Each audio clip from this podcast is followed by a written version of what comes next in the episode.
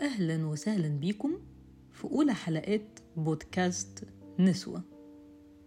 حابة قوي إن أنا أبدأ أول موضوع معانا يكون عن موضوع جدلي جدا في مجتمعاتنا العربية وفي مصر وهو موضوع تأجيل الحمل والخلفة في أول الجواز.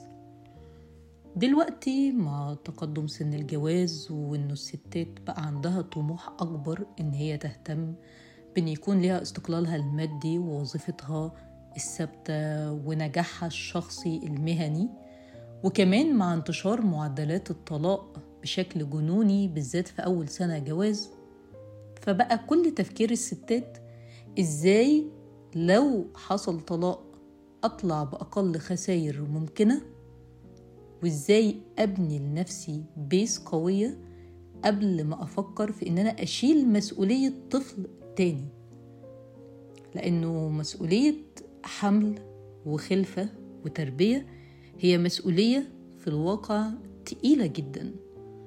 ويمكن الناس من بعيد بتشوف يعني هو أنت بتعمل إيه في تربية طفل ما كل أهالينا خلفوا وربوا. بس هو في الواقع ناس قليلة جدا اللي بتهتم إن هي تربي تربية صحيحة وتنشأ تنشئة صالحة تطلع إنسان متقبل نفسه ومتقبل اللي حواليه وغير مؤذي.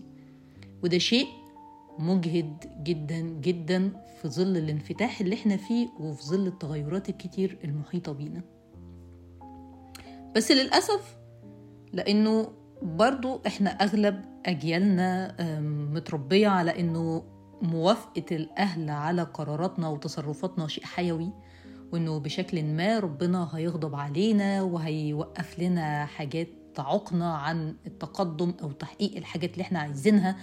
لو عملنا حاجة من غير ما ناخد إذنهم أو بدون معرفتهم فدايما فكرة تأجيل الحمل في أول الجواز بتطرح على الأهل من قبل الزوجين. ولأنه ده شيء غير معتاد بالنسبة لأمهاتنا والجيل جدودنا. فدايما الكلام ده بيقابل بإنه أنت عايز النعمة تروح من وشك يا واد؟ حرام عليكي يا بنتي بتتبطري على الخلفة. طب بكرة بقى تحفي وتلفي على الدكاترة كعب داير وفي الآخر ربنا ما ينولكيش ضفر عيل. ده نعرف فلانة بقالها سنين بتلف علشان تحمل يا عيني ومش عارفة تحمل. تقوم انت بمزاجك في أول الجواز تأجلي الحمل طبعا الكلام ده كله مبني على المعتقدات البالية إنه الإنسان فكرة إنه يؤجل شيء لحد ما يبقى مستعد نفسيا ليه دي فكرة بالنسبة لهم خزعبلية. أنت إزاي بت... ده الأمومة فطرة. ده الأمومة دي إنكودت جوانا كلنا. ده, ده الست ده البنت وهي صغيرة بتلعب بالعرايس علشان خاطر نفسها تطلع أم بينما يعني أنا واحدة من الناس عمري ما شلت عروسة في حياتي عادي يعني. ففكرة إنه الأمومة دي فطرة وغريزة وإنه كل الستات عايزة تطلع تخلف عيال دي فكرة بالية جدا وغير حقيقية وغير منطقية. ولأن إحنا دلوقتي بقينا مدركين أكتر للمشاكل النفسية اللي جوانا نتيجة التنشئة بتاعتنا وظروف الحياة اللي اتحطينا فيها. ما بقاش حد عنده استعداد إن هو يواجه تربية طفل وهو بالفعل عنده مشاكل داخلية لسه بيتعامل معاها. ده غير إنه في بعض الأحيان التروما كانت شديدة للدرجة اللي خلت ستات تتخلى تماما عن فكرة إن يكون عندهم أطفال. وبالتالي فالزمن اتغير والأمور اتغيرت والأوضاع اتغيرت والشائع والسائد أكتر بقى تأجيل الحمل مش إن إحنا نحمل أول الجواز. ولو هنتكلم علميا فإحنا علميا مفيش حاجة بتقول إنه الستات لو أجلوا الحمل في أول الجواز مش هتحمل تاني بالعكس ده بتأجل وبتحمل وهي بتستخدم وسيلة. وممكن ما تأجلش وما يحصلش حمل. دي كلها أقدار مكتوبة والأقدار دي مش هتتغير لمجرد إن إحنا أخدنا قرار مدروس وواعي إنه ده مش الوقت المناسب ان إحنا نجيب فيه طفل. ده مش اللحظة المناسبة اللي إحنا نقدر نشيل مسؤولية فرد كمان علينا. مش ده الوقت المناسب. أقدارنا مش هتتغير بناء على قراراتنا الواعية المدروسة فيما يخص الأمر ده. وبالتالي كل الكلام المجتمعي عن إنه قد إيه تأجيل الحمل في أول الجواز ديت مصيبة وكارثة وستنتج عنها مشاكل بعدين و... وعمرك ما هتبقي أم دي حاجات اندثرت واندفنت من زمان. وقراراتكم الخاصة كزوجين مش المفروض إنه يتدخل فيها الأهل لا الأب ولا الأم ولا الحما ولا الحماة ولا الإخوات.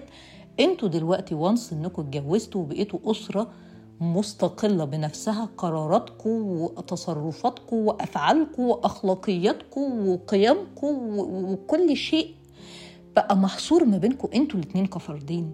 وبالتالي قراراتكم اللي تخص الحمل والخلفة والسفر والشغل وشغل البيت أي المكان اللي ما بينكم مش المفروض إنه يطلع بره الدايرة دي مش المفروض إنه يمتد للأهل. ده شيء يخصكم أنتوا الاتنين كفردين بالغين مسؤولين عن قراراتكم لأنه ببساطة لو أنتوا مش ناس بالغة عاقلة راشدة مش هتتجوزوا. فكون إنكم وصلتوا لمرحلة بناء أسرة وبقى ليكوا بيت مستقل يبقى ليكوا قراراتكم المستقلة. وقراراتكم المستقلة أحدها هو موضوع هنجيب بيبي إمتى وهنجيب كام بيبي. مش المفروض إن المجتمع أو الأهل يتدخلوا في قرار زي ده. وطبعا فكرة إن إحنا نروح نقول الكلام ده لبابا وماما صعبة. إن إحنا نقول لهم ما تتدخلوش في قراراتنا لكن إحنا اللي نقدر إننا نحمي قراراتنا الداخلية بإننا نحط حدودنا كويس جدا في التعامل معاهم. إنه إيه مسموح إن إحنا نتناقش فيه مناقشات جماعية وإيه مش مسموح إننا نتكلم فيه بشكل جماعي وده يخصنا إحنا جوه بيتنا.